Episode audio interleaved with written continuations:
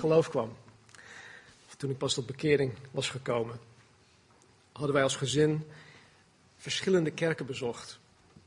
En uh, de reden daarvoor was, wij waren op zoek naar een kerk waar, waar God ons per se wilde hebben. En dat is nogal lastig, of dat kan nogal lastig zijn. Het heeft ongeveer uh, ruim een jaar geduurd voordat wij uiteindelijk uh, op die plek kwamen waar God ons hebben wilde. En in deze zoektocht kwamen we terecht in verschillende cirkels. Ook in cirkels waarin er geleerd werd dat uh, christenen de Satan en de demonen moesten binden. En wij moesten hun dan binden om zo de vrijheid van de Satan en de demonen, uh, ja, om, om de boze activiteiten die zij verrichten, om dat een beetje in te perken. En het idee erachter is hetzelfde alsof je een, een crimineel dan zeg maar in, in boeien slaat. als je iemand in, in, in boeien slaat, dan zou hij in principe niets meer kunnen. Dus heel vroeg in mijn geloofsleven ging ik vol vertrouwen, omdat het mij zo geleerd werd, uh, demonen binden. Ik ging Satan binden, uh, demonen van boosheid bijvoorbeeld. Of demonen van ziekte, of van angst, of van lust, of van armoede, of van zonde, of van verleiding en dergelijke. Ik, ik bond alles wat los en vast zat, bij wijze van spreken. En alles in de naam van Jezus. Nou, ik kom er al heel gauw achter dat dat niet werkte. Het werkte niet in mijn eigen leven en het werkte ook niet in de levens voor, voor de mensen, van mensen waar ik, um, waar ik voor bad. En uiteindelijk kom ik tot de conclusie dat dat dus niet aan God lag. Het werd me geleerd dat ik op die manier met God moest omgaan, met demonen en Satan moest omgaan, maar het werkte niet. Maar goed, ik kwam er dus achter, het ligt niet aan God. Maar het, het, ligt aan het feit dat deze leer en deze methode dus niet bijbels is. En vandaar dat het niet werkte. Nou, deze verkeerde leer is een gevolg van een misvatting van drie, drie verschillende schriftgedeelten in het, uh, in het uh, evangelie van Matthäus. Schriftgedeelten waarin het, het binden door Jezus genoemd wordt. Alhoewel hij het niet over, per se hierover heeft. Hij noemt het binden wel. En ik ga er nu niet op in, maar de schriftgedeelten waar ik het over heb zijn te vinden in Matthäus 12. Voor degenen die notities maken, Matthäus 12, Matthäus 16 en Matthäus 18. Lees het zelf en, en, en kijk voor jezelf uh, tot welke conclusie je hierover komt. Dat is je huiswerkopdracht voor vanmorgen. Nu dit. De enige plek waarin de Bijbel expliciet leert over het binden van de Satan is in Openbaring 20, waar wij het vanmorgen over gaan hebben. Dus uh, sla je Bijbels open op Openbaring hoofdstuk 20 en dan uh, lezen we vanaf vers 5. Oh, sorry, vanaf vers 1. Openbaring 20, vers 1.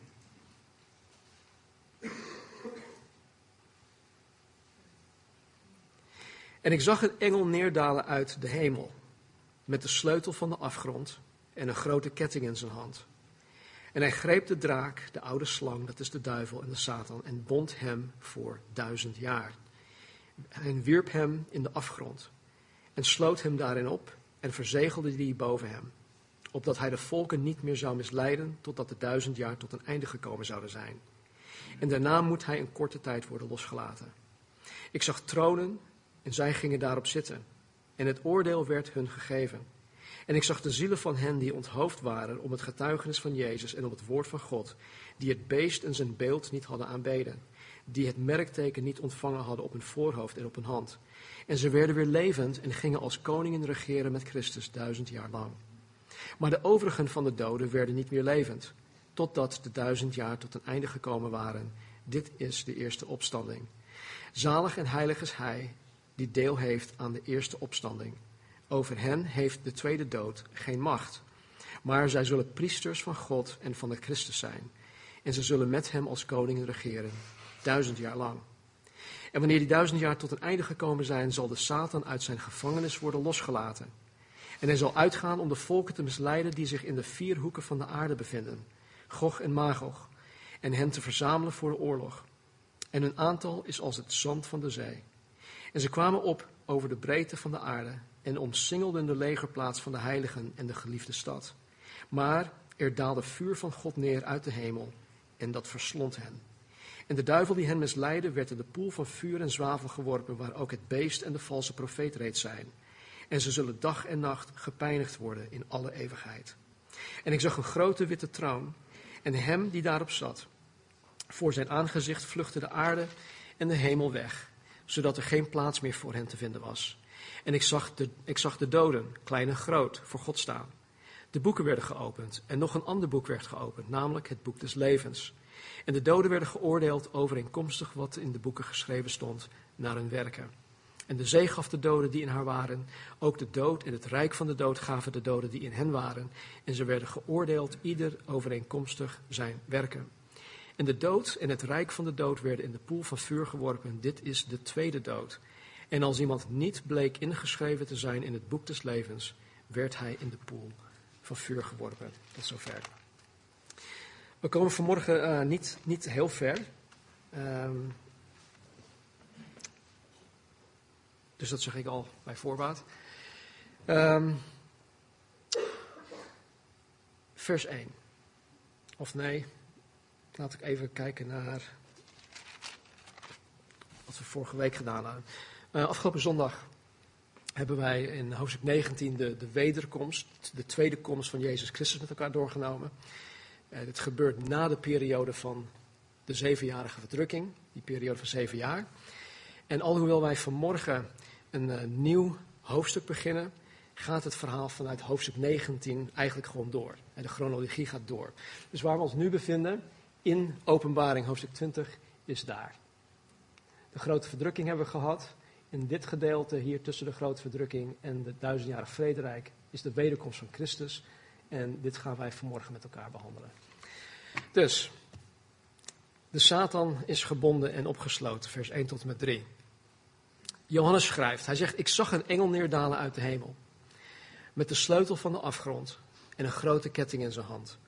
Hij greep de draak, de oude slang, dat is de duivel en de Satan, en bond hem voor duizend jaar. En wierp hem in de afgrond en sloot hem daarin op en verzegelde die boven hem, opdat hij de volken niet meer zou misleiden, totdat de duizend jaar tot een einde gekomen zijn, tot het einde gekomen zouden zijn. En daarna moet hij een korte tijd worden losgelaten. Nou, even iets in kort. De meningen zijn verdeeld over wie deze engel is. Doet er eigenlijk niet toe, maar um, ik zal jullie ook niet belasten met alle verschillende meningen hierover. Waar het op neerkomt is dat deze engel neerdaalt uit de hemel. En hij heeft in zijn hand een, figuur, een figuurlijke sleutel en een ketting.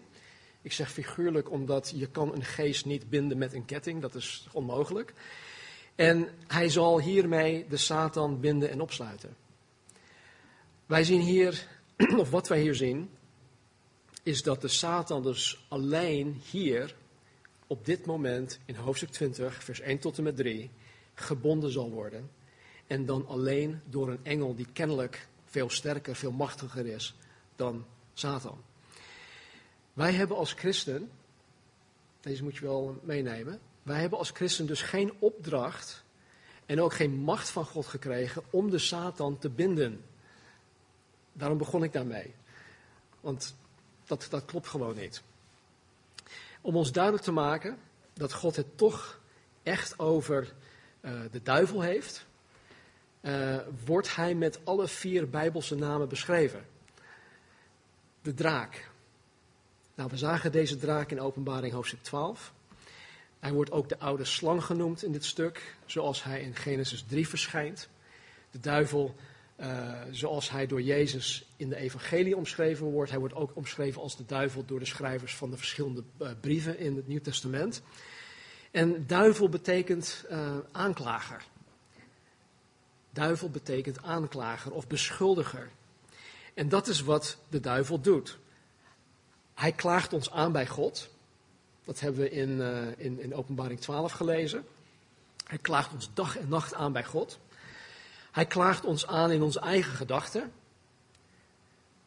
Hij klaagt ons ook aan in de gedachten van anderen. Zelfs in de gedachten van onze broers en zussen klaagt hij ons aan. Hij klaagt anderen ook aan in onze gedachten over hun. Dus hij, hij is alleen maar bezig met het, het, het aanklagen van, van mensen naar God toe, naar ons toe, naar onszelf toe en naar elkaar toe. Hij laat ons dingen zien over onze broers en zussen die niet waar zijn. En hij laat onze broers en zussen dingen over ons zien die niet waar zijn. Ook laat hij ons dingen zien over onze broers en zussen en vice versa die wel waar zijn. Maar waar Jezus Christus aan het kruis voor ons gestorven is.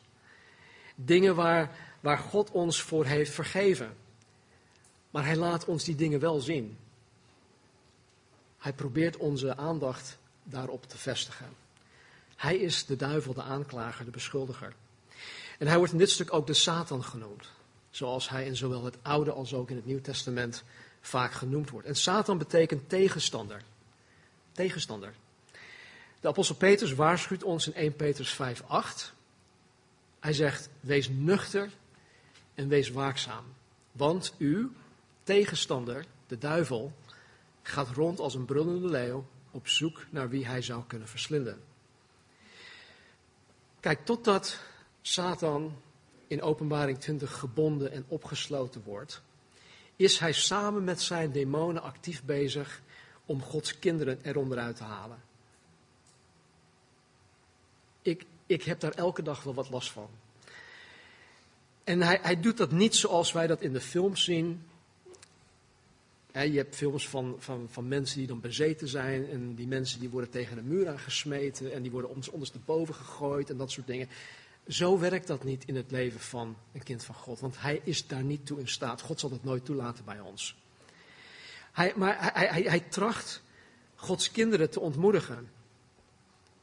Hij tracht ons te verlammen, zodat we God niet gaan dienen. Weet je, het, het, grootste probleem die ik heb, is dat ik ergens geen zin in heb. En hij zal er alles aan doen om ervoor te zorgen dat ik geen zin heb om iets te gaan ondernemen voor God. Ah, ik heb geen zin om met die persoon te praten vandaag. Ik heb geen zin om erop uit te gaan vandaag. Ik heb geen zin om de, ik heb geen zin, ik, ik heb geen zin. En waar komt dat vandaan? Dat komt deels vanuit je eigen ik vandaan. Maar hij speelt daarop in. En hij maakt dat juist veel groter dan dat het daadwerkelijk is. Hij probeert ons te verlammen. Hij probeert onze getuigenis te schaden, zodat we niet effectief zijn in het vervullen van de grote opdracht. Weet je nog, in de, in de evangeliën zien we op een gegeven moment dat uh, mensen hoorden dat Jezus in een bepaald huis zat. Zij hoorden Jezus, ze hoorden dat Jezus daar was. En jaren geleden vroeg ik mezelf af, wat horen mensen wanneer ze langs de Vlierveld 120 lopen? Horen ze mij tegen mijn kinderen blerren? Horen ze me vloeken en tieren? Of horen ze Jezus uit mijn huis komen. Weet je, en, Satan probeert er alles aan te doen om juist onze, uh, onze getuigenis te schaden. Zodat we niet effectief zullen zijn. En hij doet dit door ons te laten zondigen, door ons de leugen te laten geloven, leugens over onszelf, leugens over God, leugens over de kerk, leugens over anderen, leugens over de voorganger. Leugens. Hij is de vader van de leugen. En hij is nog steeds actief bezig. Alhoewel wij als wedergeboren christenen hem niet kunnen binden en tegenhouden, we kunnen hem als het ware niet in de boeien slaan, kunnen wij hem in Gods kracht en met Gods genade wel weerstand bieden. Wij kunnen ook stand blijven houden. Want Petrus zegt in het volgende vers, dus niet 1 Petrus 5, 8, maar 5, 9, hij zegt, bied weerstand aan hem, vast in het geloof, in de wetenschap dat hetzelfde lijden ook aan al uw broeders in de wereld opgelegd wordt. Dus Petrus die, die, die moedigt ons aan, bied weerstand. Wees nuchter, wees waakzaam, maar tegelijkertijd bied ook weerstand. Want jij bent niet de enige die hiermee te maken heeft. En dat, dat probeert de Satan ook. Hij probeert ons te isoleren door ons te laten denken dat wij de enige zijn die met deze zonde kampen. Dat wij de enige zijn die, die in zo'n situatie uh, zitten. Al die andere goede christenen op de zondag, nee, zij niet, alleen ik. En zo probeert hij ons ook te isoleren. We zitten allemaal in hetzelfde schuitje. Als jullie mij echt gaan leren kennen, dan zullen jullie eens denken, oh joh, hij is net een zondaar zoals ik. Weet je, dus we zitten allemaal in hetzelfde schuitje. Bied weerstand aan hem. Jacobus zegt ook, onderwerp u dan aan God. Bied weerstand aan de duivel en hij zal van u wegvluchten. Onderwerp u aan God, hier kom ik straks nog op terug. Bied weerstand aan de duivel en hij zal van u wegvluchten. En dan komen we tot een geweldig gedeelte in Efeze 6. Sla je Bijbels daar wel op open. Efeze hoofdstuk 6 vanaf vers 10. De apostel Paulus heeft het hier over de geestelijke wapenrusting en hij gebruikt een, een, een beeld vanuit uh, het Romeins leger en een Romeins soldaat. En hij gebruikt verschillende elementen die zo'n soldaat uh, eventueel zou dragen in de strijd. En hij zegt in Efeze hoofdstuk 6 vanaf vers 10. Verder, mijn broeders, wordt gesterkt in de Here en in de sterkte van zijn macht. Wordt gesterkt in de Here, in de sterkte van zijn macht. Bekleed u met de hele wapenrusting van God, opdat u stand kunt houden tegen de listige verleidingen van de duivel. Want we hebben de strijd niet tegen vlees en bloed, maar tegen de overheden, tegen de machten, tegen de wereldbeheersers van de duisternis van dit tijdperk. Tegen de geestelijke machten van het kwaad in de hemelse gewesten. Dus wanneer je ruzie hebt met je man of met je vrouw, wanneer die persoon, eh, niet per se je, man of je vrouw, maar wanneer een persoon het bloed vanuit onder je nagels haalt, wanneer je zwaar geïrriteerd raakt, wees ervan bewust dat je niet tegen vlees en bloed strijdt. Er zit een geestelijke strijd achter die persoon. En het is niet zo dat, dat, ik, uh, dat wanneer ik die persoon ben, dat ik ineens bezet ben en dat ik een instrument van de duivel ben. Nee, dat, dat gebeurt gewoon op een hele natuurlijke wijze. Zoals Gods Heilige Geest in ons op een natuurlijke wijze dingen doet, kan Hij dat ook. Het is gewoon heel natuurlijk. Bovennatuurlijk, maar wel natuurlijk. Dus we hebben niet alleen met vlees en bloed te maken, maar met deze demonische machten. Vers 13.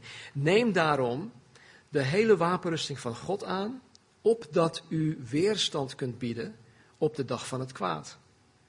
En na alles gedaan te hebben, stand kunt houden.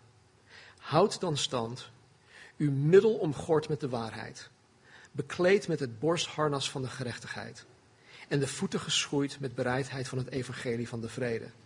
Neem bovenal het schild van het geloof op, waarmee u alle vurige pijlen van de boze zult kunnen uitblussen. Neem de helm van de zaligheid en het zwaard van de geest, dat is Gods woord. Terwijl u bij elke gelegenheid met alle gebed en smeking bidt in de geest en daarin waakzaam bent met alle volharding en smeking voor alle heiligen. We kunnen hier een, zes week, een zesdelige serie over hebben.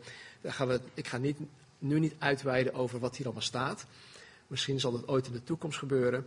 Maar begrijp dit goed. Als een wedergeboren kind van God kan Satan ons niets maken. Knoop dat in je oren. Satan kan het wedergeboren kind van God niets maken. Onze redding staat vast. Onze uh, positie in Christus staat vast. Dat God ons in staat stelt om weerstand te kunnen bieden tegen de Satan staat ook vast. Wij kunnen trouwens, dit, is ook iets wat geleerd wordt, maar wij kunnen niet bezeten raken door demonen. De wedergeboren christen kan absoluut niet bezeten raken door demonen. Het enige dat wij hoeven te doen, is ons door de Heilige Geest als het ware te laten inenten, je spuit met de waarheid. Dat is Gods woord, de Bijbel. Dus alhoewel de Satan tot openbaring 20 nog steeds zijn gang kan gaan, in de zin dat God hem een, een, een zekere mate van vrijheid geeft, kunnen wij, wij die wedergeboren zijn, weerstand bieden tegen zijn aanvallen. Ik geloof niet dat we geheel immuun zijn tegen zijn aanvallen, maar we zijn wel bestand tegen zijn aanvallen. Dus laat God laat de Heilige Geest je inenten met de waarheid. Want dat is onze kracht. Nou, de Bijbel heeft het hier in Openbaring 20 dus echt over de duivel, over Satan. Het wordt geïmpliceerd dat alle demonen hierin begrepen zijn. Dus de duivel en de demonen worden voor een periode van duizend jaar opgesloten. Nou, de reden waarom ik dit geloof, uh, dat ook de demonen uh, de afgrond ingeworpen worden, is omdat er in Lucas 8 een door demonen bezeten man was die door Jezus bevrijd werd. En deze man die zei iets bijzonders, althans de demonen in hem zeiden iets wat, wat, wat, wat uh, opmerkelijk is. De demonen, want het waren er meerdere, die zichzelf, die zichzelf legio noemden, smeekten Jezus om hun niet naar de afgrond toe te sturen. Lees het maar, dat, dat staat in Matthäus 8, in Lucas 8 en denk ik in Marcus hoofdstuk 3. Zij smeekten Jezus om hun niet naar de afgrond toe te sturen, om hun niet te pijnigen voor de tijd. De afgrond waar deze demonen in Lucas 8 eh, en in Matthäus 8 het over hadden, is dezelfde afgrond waar wij, dat wij hier in Openbaring 20 zien. Dezelfde afgrond. De tijd hè, waar zij het over hebben, is, is dit moment, Openbaring 20, wanneer zij samen met Satan in de afgrond opgesloten worden. Dus in het evangelie, of in de evangelie toen ze Jezus tegenkwamen, oh, Stuur ons alsjeblieft nog niet naar de afgrond toe. Pijnig, als, pijnig ons alsjeblieft nog niet voor de tijd. Ze waren ervan bewust dat dat hun lot is. Zoals ik weet, met 100% zekerheid, dat ik eeuwig leven met Jezus Christus zal hebben. Dat ik met uh, Hem in, de, in een nieuwe hemel, een nieuwe aarde uh, ga, ga, ga zijn, zal zijn. Weten zij ook dat zij voor eeuwig uiteindelijk in de pool van des vuurs terecht zullen komen. Dat weten ze. Dus ze maken er gewoon gebruik van, van de gelegenheid die ze nu nog hebben, de zekere vrijheid die ze nu nog hebben, om zoveel mogelijk Gods, de kroon van Gods schepping eronderuit te halen.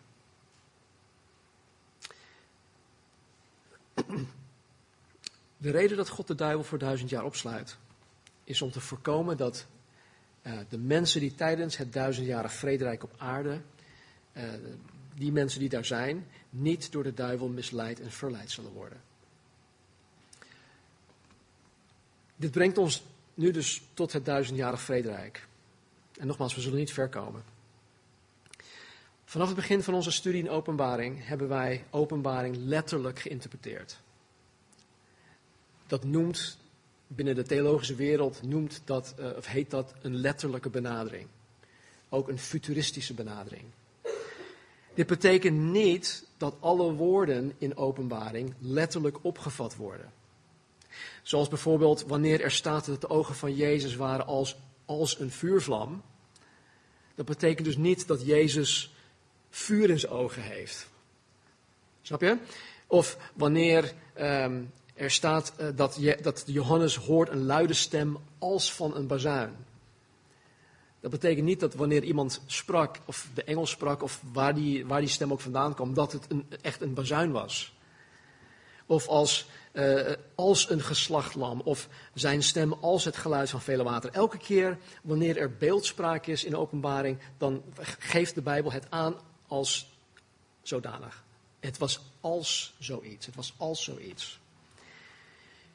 Dus in deze gevallen spreekt de Bijbel duidelijk in beeldspraak. Maar Waar de Bijbel spreekt van de zeven zegels.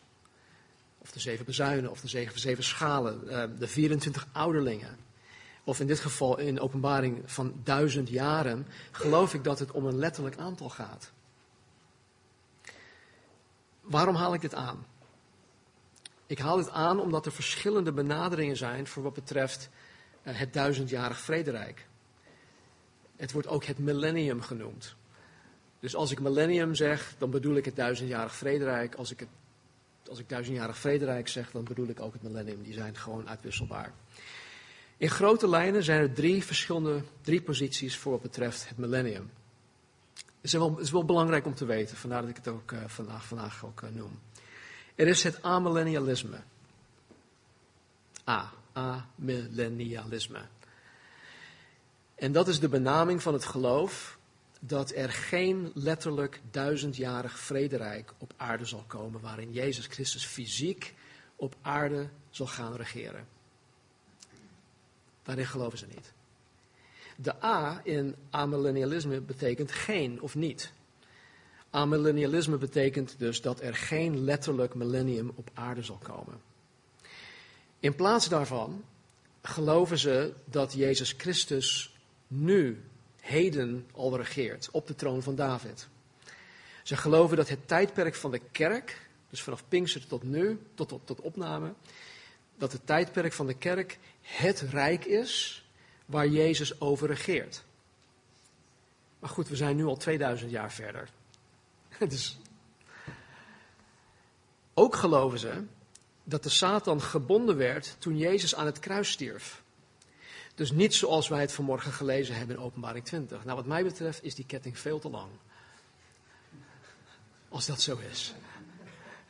Hij heeft veel te veel beweegruimte. De reden waarom zij tot deze conclusies komen, is omdat zij openbaring vergeestelijken.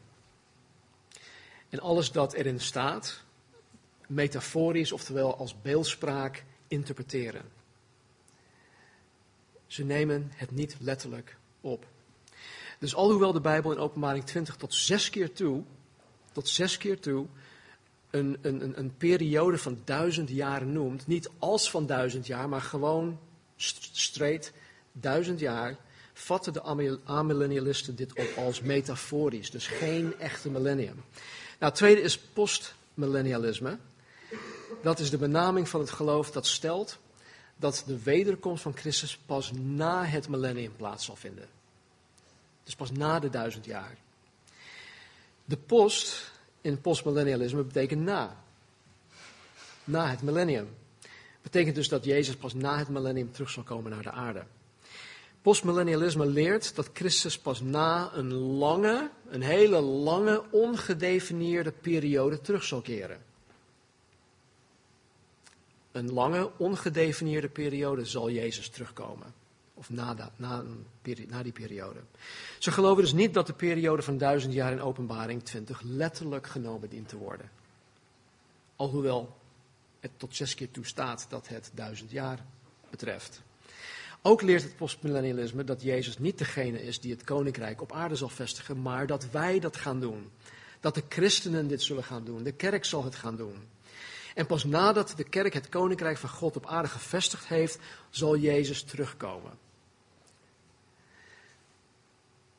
Dit idee, postmillennialisme, was, was heel sterk aanwezig aan het begin van de 20e eeuw. Dus begin 1900 nog wat.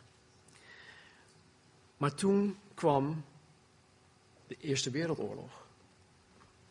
Vervolgens kwam de Tweede Wereldoorlog. Waarom ik dit zeg is dat postmillennialisme heeft het idee dat deze wereld steeds beter gaat worden. Het wordt steeds beter.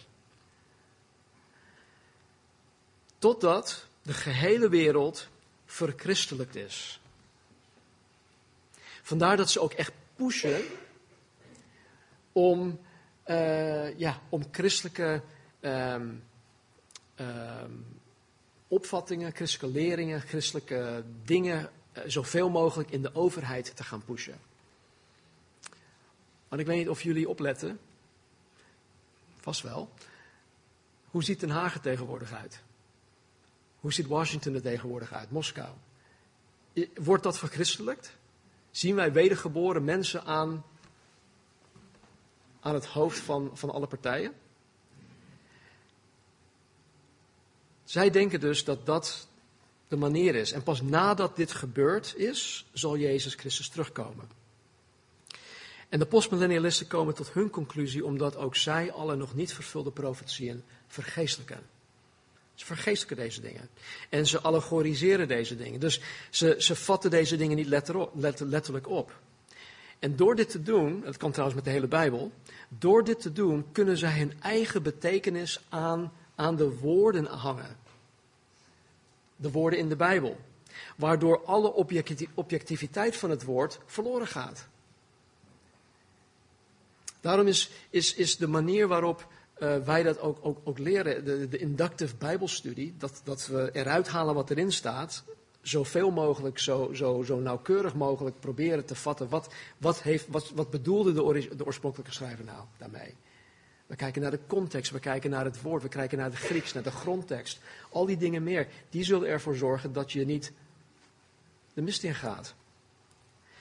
En dan heb je als laatste premillennialisme, en dat is de benaming van het geloof dat de wederkomst van Jezus Christus zal plaatsvinden voor het duizendjarig vrederijk op aarde. En dat het duizendjarig vrederijk van Jezus Christus, het millennium, letterlijk een periode van duizend jaar zal zijn waarin Jezus Christus fysiek op aarde zal gaan regeren. Nou, ik hoef jullie er niet uh, van, over te, van overtuigen uh, dat, um, dat jullie, ja, ik denk dat jullie inmiddels doorhebben dat mijn positie met betrekking tot het millennium het premillennialistisch uh, positie is. En ook hierin heb je een, een woord pre, dat betekent gewoon voor. Premillennialisme betekent gewoon dat Jezus voor het duizendjarig rijk terug zal komen. Nou, dit, dit houdt dus in grote lijnen in dat ik geloof dat de kerk door Jezus Christus op een gegeven moment opgenomen gaat worden. Waarna de grote verdrukking zal plaatsvinden. Waarna Jezus terug zal komen op de aarde. Waarna Jezus samen met ons zal gaan regeren voor duizend jaar. Waarna God um, een nieuwe hemel en een nieuwe aarde zal scheppen. En dat wij allen voor eeuwig zullen leven. Uh, zoals het uh, vaak in de film staat, happily ever after. Maar dat is dan echt happily ever after. Oké, nu weten we de, in ieder geval hoop ik dat wij de volgorde een beetje weten, een beetje, beetje kennen. Maar wat gaat er gebeuren? Wat gaan we met z'n allen doen? Wie zullen erbij zijn? Ik denk niet dat we heel ver komen hiermee. Uh, ik denk dat we dat volgende week uh, of de volgende keer gaan oppakken. Maar dit zijn voor mij wel belangrijke vragen. Wie is er überhaupt op aarde tijdens het millennium? Nou, voordat we verder gaan, moeten we nog even teruggaan naar vers 2 en 3.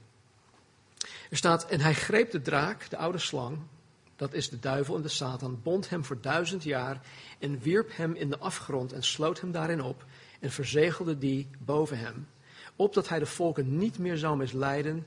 En dan komt het, totdat de duizend jaar tot een einde gekomen zouden zijn en daarna moet hij een korte tijd worden losgelaten.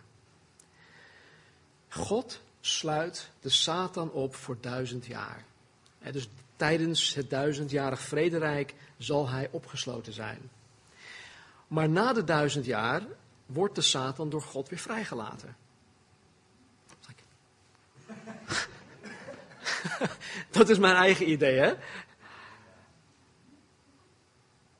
Wat de Satan op dat moment gaat doen, dat zien wij in vers 7 tot en met 9. Maar de grote vraag is, waarom zou God de Satan überhaupt vrijlaten? Er zijn een aantal vragen waarop de Bijbel ons geen antwoord geeft. Vooral op de waarom-vragen kunnen wij vaak geen antwoord, geen Bijbels antwoord vinden. En dit is Gods goed recht, omdat God God is. Wij hoeven niet alles per se te weten. In Deuteronomium 29, 29 staat dit. De verborgen dingen zijn voor de Heere onze God. Maar de geopenbaarde dingen zijn voor ons en onze kinderen tot in eeuwigheid, om al de woorden van deze wet te doen. Ik heb hier totale vrede mee. God weet veel beter dan, dan ik dat weet. En hij weet wat voor mij het beste is en ik hoef niet alles te weten. Ik vertrouw God gewoon blindelings. Hij leert, of hier leert de Bijbel ons, dat God sommige dingen, dingen waarvan hij vindt dat wij ze niet per se hoeven te weten, ons niet kenbaar maakt. En nogmaals, dit is Gods goed recht. Wij hoeven niet alles te weten. En op de vraag waarom God de Satan vrijlaat, geeft de Bijbel ons geen expliciet antwoord. Er staat dus niet, God laat de Satan vrij omdat. Dat is nergens terug te vinden in de Bijbel. We kunnen wel vanuit verschillende plekken in de Bijbel, kunnen wij uh, tot een soort van conclusie komen. Of dat 100% zuiver is, weet ik niet. Dus hierin ja, kunnen we uh, gaan gissen. En ik zal je vanmorgen een suggestie geven. Nogmaals, wat ik nu ga zeggen staat niet in de Bijbel, is mijn eigen, mijn eigen uh, mening, mijn eigen opvatting. Na de verdrukking. Verdrukking is over, Jezus Christus komt terug. Na de verdrukking zullen er gelovige mensen op aarde zijn die de verdrukking hebben overleefd. Die de verdrukking overleven. Dit zijn Joden die tot geloof in Jezus Christus zijn gekomen. Dit zijn ook heidenen, niet-Joden, die tot geloof in Jezus Christus zijn gekomen. Die, die, uh, die zijn ontsnapt. Die, die hebben dus geen um, uh, merkteken van het beest uh, genomen, maar die zijn ergens in het wildernis, zijn ze gewoon alle ellende ontsnapt. Deze mensen zullen het duizendjarig vrederijk ingaan als mensen van vlees en bloed. Zoals wij dat nu ook zijn. Dus nog steeds in hun oude, uh, vleeselijk en zondig natuur. In tegenstelling tot, tot ons, wij die onze verheerlijkte lichamen zullen, zullen krijgen en in ons verheerlijk lichaam het millennium in zullen gaan. Snap je dus, op het moment dat wij opgenomen worden door de kerk, of op het moment dat de kerk opgenomen wordt, of wij nu gestorven zijn of dat wij levend zijn, zullen wij de lichamelijke opstanding gaan meemaken, waardoor wij ons verheerlijk lichaam zullen krijgen. Dat is dus voor de, de, de grote verdrukking. Dus wanneer Jezus terugkomt na de verdrukking, samen met ons, hebben wij ons verheerlijk lichaam al. Maar degenen die dus door de verdrukking heen, uh, die dat hebben overleefd, die zijn nog steeds net zo menselijk zoals wij dat nu zijn. En deze mensen zullen dus het millennium ingaan met hun vlees en bloed en alle narigheid waar wij nu ook mee te maken hebben. Alhoewel Jezus Christus en wij deze wereld, deze nieuwe wereld, deze um, gerenoveerde wereld in volledige rechtvaardigheid en, en goedheid en eerlijkheid en liefde enzovoort zullen gaan regeren, zullen deze mensen nog steeds te maken hebben met hun zondig natuur. Omdat zij de verdrukking hebben doorstaan, kunnen wij ervan uitgaan dat dit toch wel echte, toegewijde christenen zullen zijn. Dit zijn mensen die wij heel graag in onze kerk zouden willen hebben. Ze zijn gewoon tot de dood bereid om de Heer te blijven dienen. Maar, omdat het duizendjarig vrederijk van Christus toch echt duizend jaar gaat duren, zullen deze mensen kinderen gaan krijgen. En kleinkinderen gaan krijgen. En achterkleinkinderen gaan krijgen. En achterachterkleinkinderen gaan krijgen. Duizend jaar. We leren vooral in het Oude Testament dat alhoewel één generatie volledig aan God toegewijd kan zijn, er geen garantie is dat de daaropvolgende generaties ook aan God toegewijd zullen zijn. Dit is in het Oude Testament heel duidelijk te zien. Dus tegen de tijd dat het duizendjarig vrederijk tot een eind gaat, gaat komen, is het zeer waarschijnlijk dat er mensen op aarde zullen zijn die niet aan Jezus Christus toegewijd zijn. Deze mensen zullen zich uiteraard onderwerpen aan de regering van Jezus Christus. Maar hoogstwaarschijnlijk alleen maar omdat hij, Jezus, met een ijzeren staf zal gaan regeren. Dat staat er in Psalmen, dat staat er ook in Openbaring, Openbaring 19. Hij zal met een ijzeren staf gaan regeren. Wat, wat betekent dat? Dat betekent dat Jezus in die periode absoluut geen zonde of opstand zal tolereren. In die zin is hij daadwerkelijk een dictator. Maar een dictator van liefde en van genade. Maar nog wel een dictator. Hij zal dat soort onzin totaal niet gaan tolereren. Waarom? Omdat het een volmaakte omgeving is. Het milieu, alles is perfect. Lees Jesaja hoofdstuk 11. Eh, eh, we zullen daar volgende, volgende keer op terugkomen. Het zal gewoon de meest, uh, uh, ja, de, de beste omgeving zijn om je kinderen op te voeden. Laat het, laat het even zo zeggen. Ik geloof dus dat God de Satan nog voor één keer zijn gang zal laten gaan. Om de mensen een duidelijke keus te geven om zich of vrijwillig aan Jezus Christus te over, over, te geven. Of om zich tegen Jezus Christus te keren uh, door partij te gaan kiezen voor de Satan. Dat gebeurde in de Hof van Eden ook. Nou, als dit zo is, nogmaals, dit is, dit is mijn speculatie. Als dit zo is, dan ontkracht dit alle humanistische argumenten voor waarom zij vinden dat de mensheid slecht kan zijn. Want de humanisten beweren dat de mens van nature, intrinsiek, dus van binnen, dat de mens op zich goed is. De mens is goed, zeggen ze. En de mens wordt alleen maar slecht wegens de omgeving waarin zij opgevoed worden, waarin zij grootgebracht worden, waarin zij opgroeien. Zij geven de schuld dus aan de omgeving, aan het milieu, aan, aan dingen van buitenaf. Maar in het millennium is het paradijs op aarde. We kunnen ons geen betere wereld of woonwijk voorstellen dan tijdens het millennium. En toch zullen we zien dat de Satan wederom een ontelbare menigte met zich mee zal krijgen om in opstand te komen tegen Jezus Christus. Staat hier.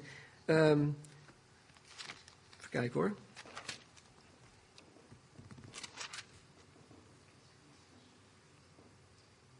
Het aantal is als het zand van de zee. Het gaat er dus om, het gaat om heel veel mensen. Ik geloof dus dat God de Satan vrijlaat om de mensheid voor de laatste keer te beproeven.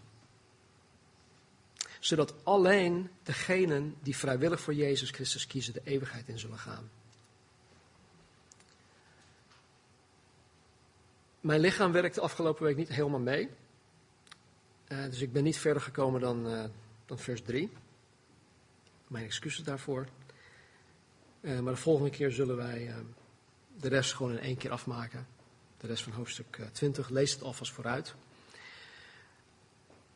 Maar wat kunnen we hier nou mee? Wat kunnen we leren uit het feit dat de Satan voor duizend jaar gebonden en opgesloten zal zijn? Wat heeft dit nu, heden, voor ons te betekenen? Nou, ten eerste betekent het dat de Satan nu dus nog steeds uh, zijn ding kan doen. Maar besef wel dat de Satan alleen datgene mag doen uh, wat God hem toelaat. Dat leren we vanuit Job hoofdstuk 1. Daarin geeft, stelt God de kaders. Zegt Satan, je mag dit, dit en dat doen. En je, je, mag niet meer dan dat doen. Je mag niet verder gaan dan alleen dat. En dat, dat geldt vandaag de dag nog steeds. Wij zullen helaas nog steeds met de Satan en de demonen te maken hebben. Maar in Christus hebben wij de macht over de Satan en over de demonen.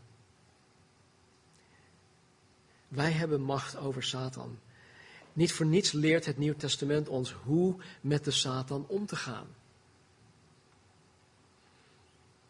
In Efeze 6, vers 10 staat: Verder, mijn broeders, wordt gesterkt in de Here en in de sterkte van zijn macht. Zo gaan wij met de Satan om. Door gesterkt in de Here te worden. Door in, en in de sterkte van, van zijn macht. En weet je, dit, dit, is, dit is eigenlijk zo simpel. Dit doe je simpelweg door jezelf te verdiepen in het woord van God, de Bijbel. Lees je Bijbel. Bestudeer het. Maak gebruik van de preken die wij online hebben staan. Ik denk dat er meer dan 400 preken uh, onlangs online staan. Die wij in de afgelopen tien jaar hebben mogen geven. Maak daar gebruik van. Maak gebruik van bijbelgetrouwe online resources. Er zijn er veel, er is ook heel veel troep online. Dus als je niet weet waar je moet gaan zoeken, vraag het aan een van ons. Maar maak daar gebruik van. Kijk op elk willekeurige dag één uurtje misschien minder televisie.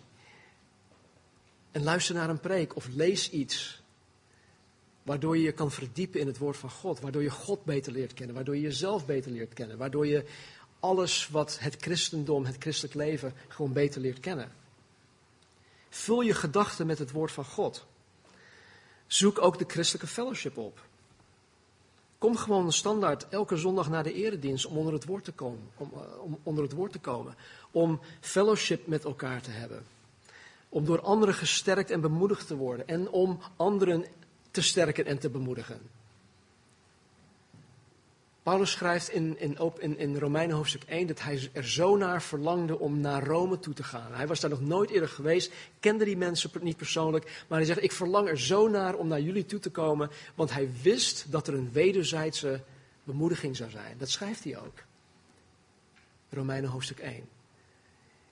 En dat gebeurt wanneer christenen samenkomen. Als ik, als ik jullie dien, of als ik iemand dien, dan word ik zelf opgebouwd. Ik word zelf ontzettend bemoedigd. Het zal nooit zo zijn dat, dat, dat wanneer je God dient door anderen te dienen, dat je helemaal leeggezogen wordt. En dat je er bij, hoe zeg je dat, bij de proppen neervalt. Hoe zeg je dat? ja, zeg dat Anyway. Weer zo'n Nederlandse gezegde.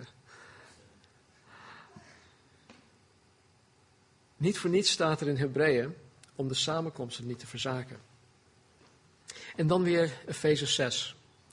Bekleed u met de hele wapenrusting van God, opdat u stand kunt houden tegen de listige verleidingen van de duivel.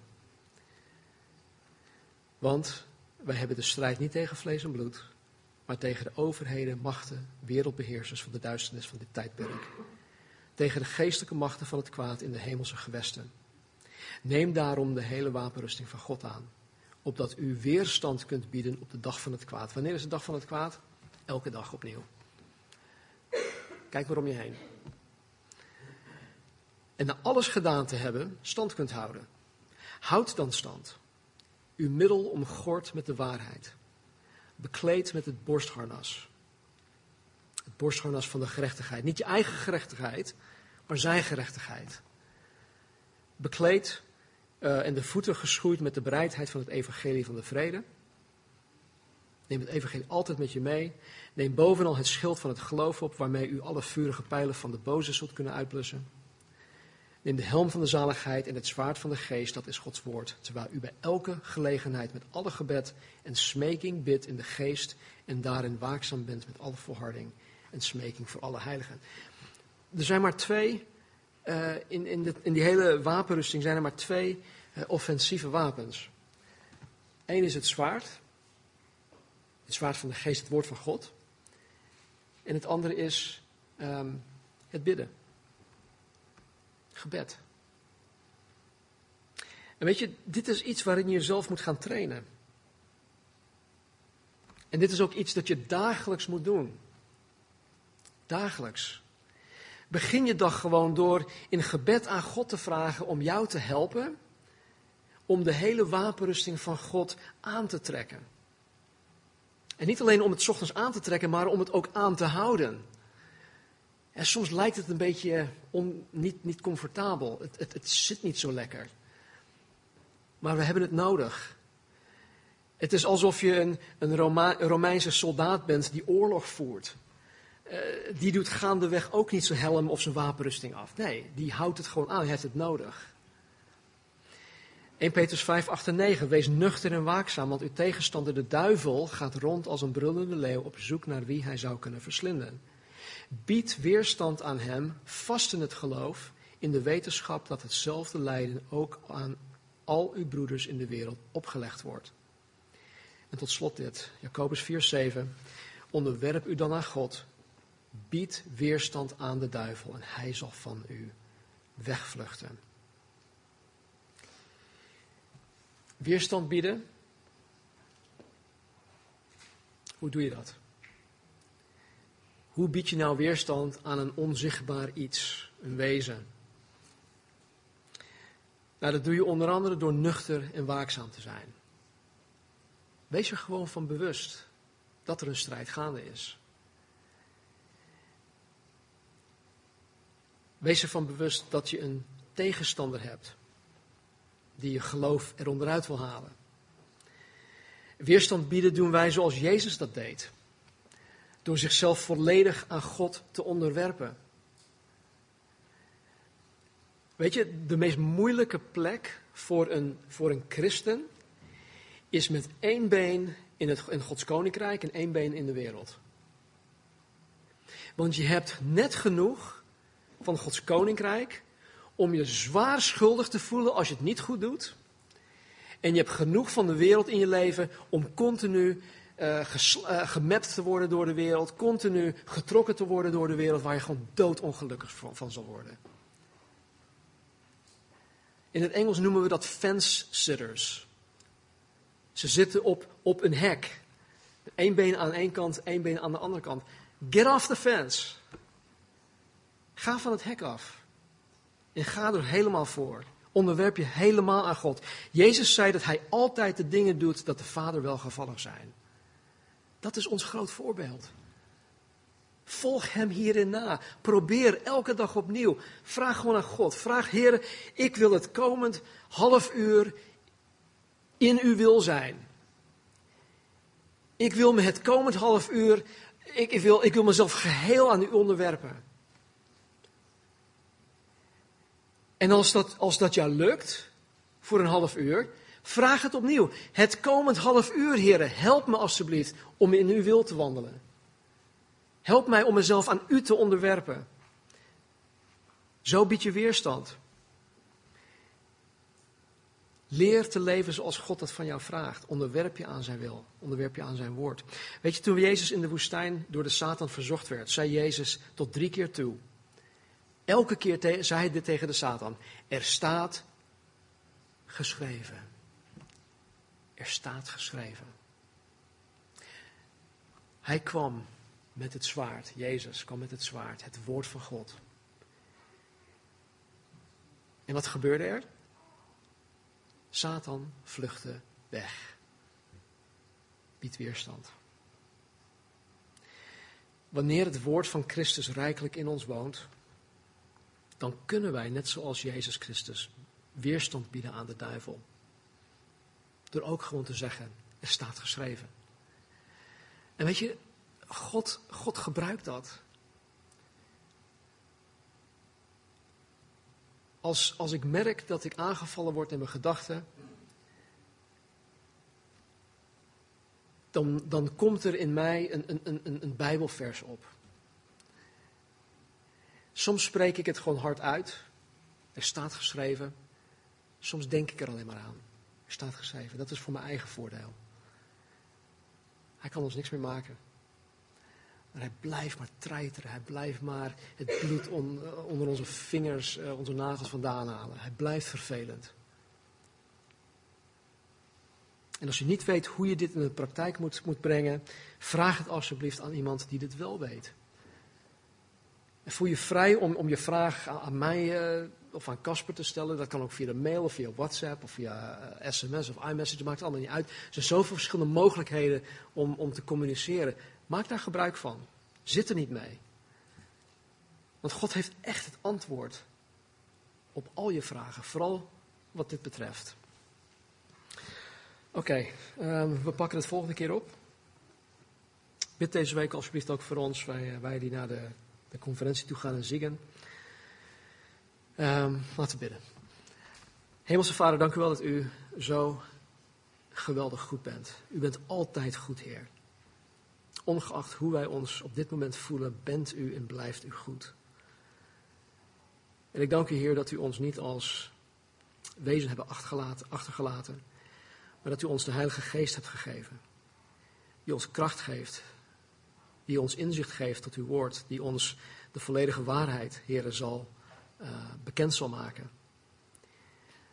Dank u wel dat wij ook in Christus de macht hebben over demonen, over de Satan, over uh, deze machten in de hemelse gewesten. Dat wij het niet zomaar zijn leugens, zijn aanvallen, hier hoeven te accepteren. Maar dat we zoals Jezus kunnen zeggen, er staat geschreven. En dat wij met waarheid, de waarheid van uw woord, heren, deze strijd aan kunnen gaan. Dus help in ieder van ons. Help in ieder van ons om ons te bewapenen tegen deze tegenstander, tegen deze aanklager. Ja, en misschien zijn sommigen van ons vanmorgen zo overweldigd door omstandigheden, door leugens van de Satan. door dingen waar we, waar we misschien niet eens weten, Heer, hoe we eruit gaan komen. Heer, bied een uitkomst. Geef, Heer, dat u ons uitkomst biedt. Geef ons helderheid.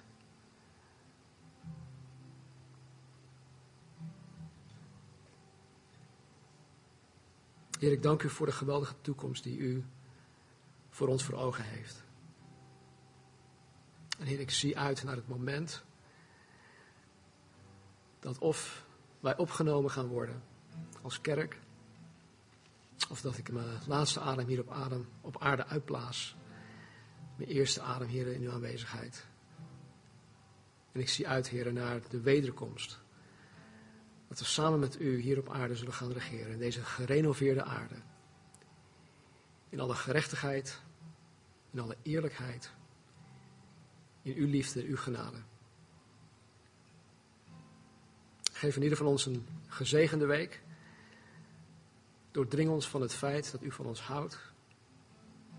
En dat u in ieder van ons wil gebruiken om uw koninkrijk hier op aarde te verspreiden.